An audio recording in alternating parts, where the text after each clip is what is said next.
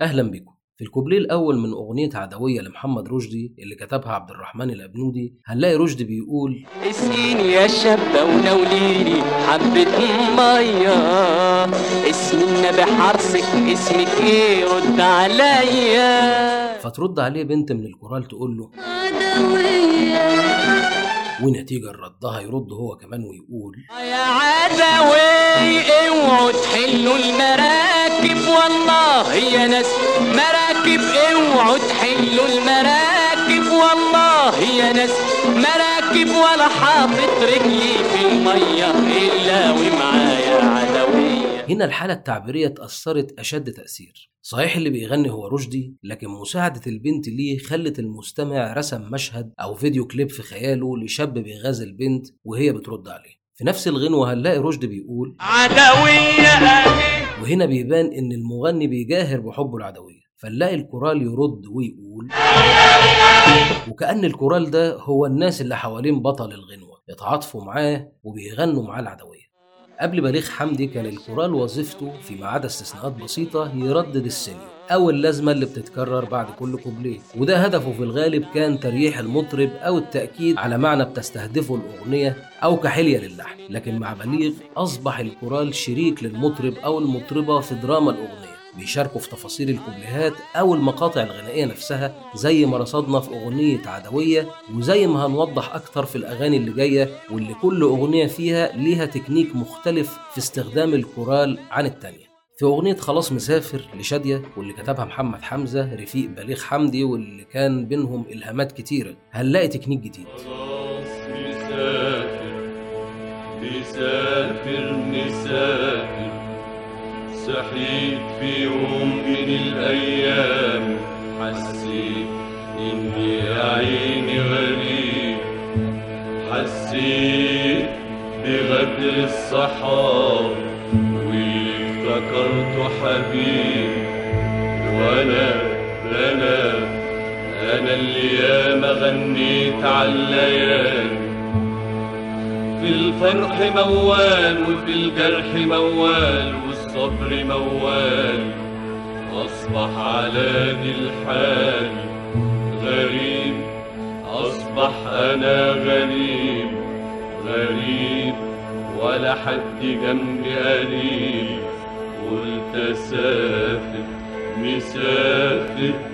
مسافر العادة إن الأغنية دايما بتبتدي بالمطرب يغني والكورال يرد عليه لكن الملفت هنا إن الكورال الرجالي هو اللي بيبتدي وشادية هي اللي بترد عليه. خايفة لما تسافر عالبلد الغريب تنسى إنك فايت في بلدك حبيب. الكورال الرجالي هنا هو الفعل والكوبليهات اللي بتقولها شادية هي رد الفعل في حوار مستمر طول الأغنية بيتغير فيه كلام الكورال مع كل كوبليه جديد. طبعا واضح إن الأغنية دي بدون الكورال كان ممكن تتقال كدويتو بين مطرب ومطربة ويمكن حمزة كتبها على هذا الأساس. لكن التكنيك اللي عمله بليغ كان هدفه تبان حرقة الست أكتر كان هدفه يبروز الست أكتر. نفس التكنيك اللي فات ده كرره بليغ في أكتر من عمل. هنلاقيه مثلا في مطلع أغنية هو اللي اختار لهاني شاكر بيقول أنا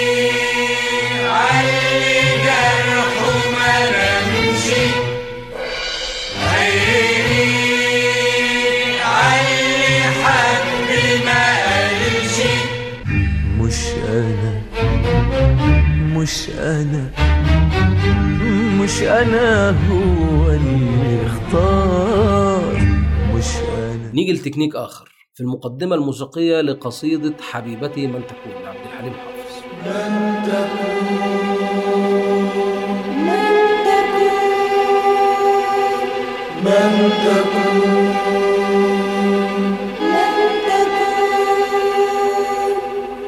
بنلاقي الموسيقى بتتقطع بعد ما بتقول جملة تمهيدية بسيطة وبيدخل الكورال الرجالي يقول من تكون فيرد الكورال النسائي ويقول من تكون. بيقولوا ده مع تريمولو رعشة في الأقواس عاملاه الوتريات في الخلفية عشان يدي توتر مع إيحاء إن ناس كتير بتتساءل وتقول هي مين؟ يا ترى مين؟ تكونش فلانة تكونش علانة فيجي حليم يفسر الحالة دي ويقول الرفاق حائرون يفكرون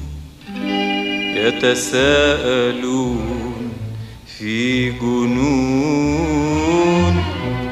وبعدها بتستأنف المقدمة الموسيقية من جديد. وكأن اللي فات ده جزء من المقدمة الموسيقية وهو فعلا وعضويا هو جزء منها مفيش كلام. هنا كلام حليم اللي قاله في المقدمة الموسيقية مقطور محتاج يستكمل. يعني ما وصلناش لحاجة مفيدة هي مين يعني؟ وده كان المطلوب إننا نحتار وننتظر لحين المقدمة الموسيقية الطويلة دي ما تخلص عشان عبد الحليم يرد على السؤال ده خلال القصيدة نفسها وهو بيغنيها بقى.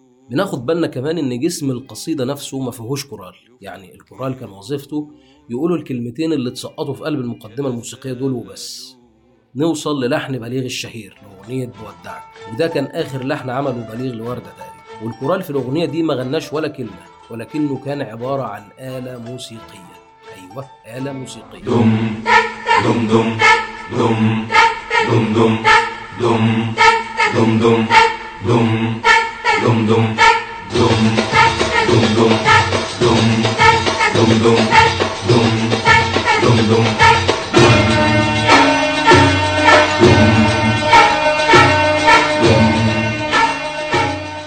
الكورال هنا في الموسيقى اللي بتسبق الكوبليه الأخير من الأغنية كان عبارة عن إيقاع موسيقي. الإيقاع يا جماعة معروف إنه ثلاث وحدات بيتشكلوا بأساليب مختلفة فبيعملوا التنوعات اللي ملهاش حدود اللي نعرفها. الثلاث وحدات دول هم دم ودي بتكون النقرة الشديدة اللي بتيجي من إيد ضابط الإيقاع في وسط الآلة الإيقاعية. الوحدة التانية هي تك ودي النقرة الخفيفة اللي بتيجي على حرف الطبلة أو الآلة الإيقاعية ودي بتكون صوتها أرفع أو أحد. أما الوحدة الثالثة للإيقاع فهي السكتة أو المدة الزمنية اللي بتكون بين الدم والتك. وعلى حسب طول السكتة أو أسرها وقوة الدم والتك بيتشكل الإيقاع وياخد المسميات اللي بنرددها زي المقسوم والملفوف والرمبة والفالس وخلافه. في بودعك بليغ هنا حب يتمعلم فعمل الدم والتك بأصوات القرآن.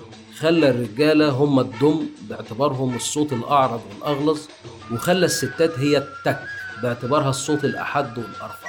طبعا ده شبيه بفن أكابيلا اللي هو مبني على إن الأصوات البشرية بتكون بديلة لأصوات الآلات الموسيقية. وعمله محمد فوزي قبل بليغ يمكن بحاجة و30 سنة في أغنية كلمني وطمني كمان هنا بليغ عمل هارموني واضح جدا بين أصوات الكورال وبين الآلات يعني مش أكابيلا خالصة زي فوزي ما عمل طيب بعد الاستعراض ده يا ترى بليغ عمل اللي عمله ده ليه؟ يا ترى بينبع منين عند بليغ؟ أعتقد ده ليه أكتر من سبب أهمها اهتمام بليغ الشديد بالغناء الفولكلوري بالحاجات الشعبية اللي كان بيغنيها أهالينا في الصعيد وبحري في الريف والأحياء الشعبية. ودي نادرا ما تلاقي فيها غنى منفرد. هتلاقي دايما واحدة ست أو راجل بيغني والباقي بيردوا عليه. الحاجة التانية هو حب بليغ للمسرح. وفي الغنى المسرحي زي الأوبريتات مثلا بنلاقي الكورال ليه دور أكبر بكتير من اللي بيكون في الأغاني العربية الفردية. وبليغ كان عنده أحلام كبيرة في المسرح ونقدر نحكيها في حلقات تانية. لكن خلينا نشاور على عمل من الأعمال دي وهو أوبريت حب الدنيا وسيب الدنيا تحب. حب الدنيا وحب الدنيا وسيب الدنيا تحب.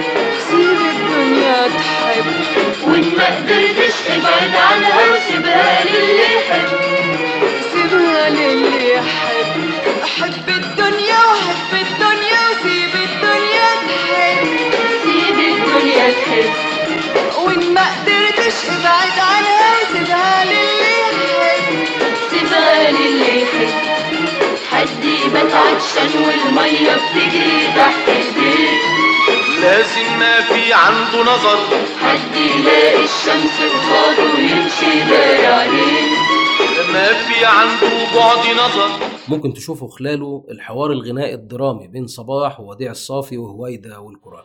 الحاجة الأخيرة في رأيي هي مسألة نفسية عند بليغ تخص سيطرته على العمل الفني. أنتوا عارفين دايما يقولوا غنوة حليم غنوة أم كلثوم وده أعتقد حسب معلوماتي وانطباعاتي من لقاءات بليغ التلفزيونية والصحفية كان ليه أثر سلبي نوعا ما يعني عليه لأن في إهدار لحقه كمبدع للحالة الغنائية دي وبالتالي وجود الكورال بالطرق اللي ذكرناها بيقلل من سيطرة المطرب على دراما الأغنية وبيخليه إلى حد ما بيأدي دور جوه اللحن مش بيأدي اللحن كله إلى حد ما يعني. ولو كان حتى المطرب هو البطل جوه اللحن لكنه بيتقيد أكتر بالخريطة اللحنية اللي رسمها الملحن. انتهت حلقتنا اللي أتمنى تكونوا استمتعتوا بيها وفي النهاية أتمنى لكم أيام وليالي كلها سكة وأفراح. ربنا يبعد عنكم حزن الصبا وحرقة وعذاب الكرد. ربنا يديكم قوة الرصد وحرية وزهو وفخر العجم ورومانسية وهيام النهاوند. وتعيشوا مع البيات معتزين بتراثكم وماضيكم الجميل. وحنين وشوق الحجاز اللي في أغانينا يبقى دايما شوق للجمال وحنين للبهجة. تشتاقوا للفرحة تحضنوها وتحنوا للحب فتلاقوه حاضنكم. وإلى اللقاء.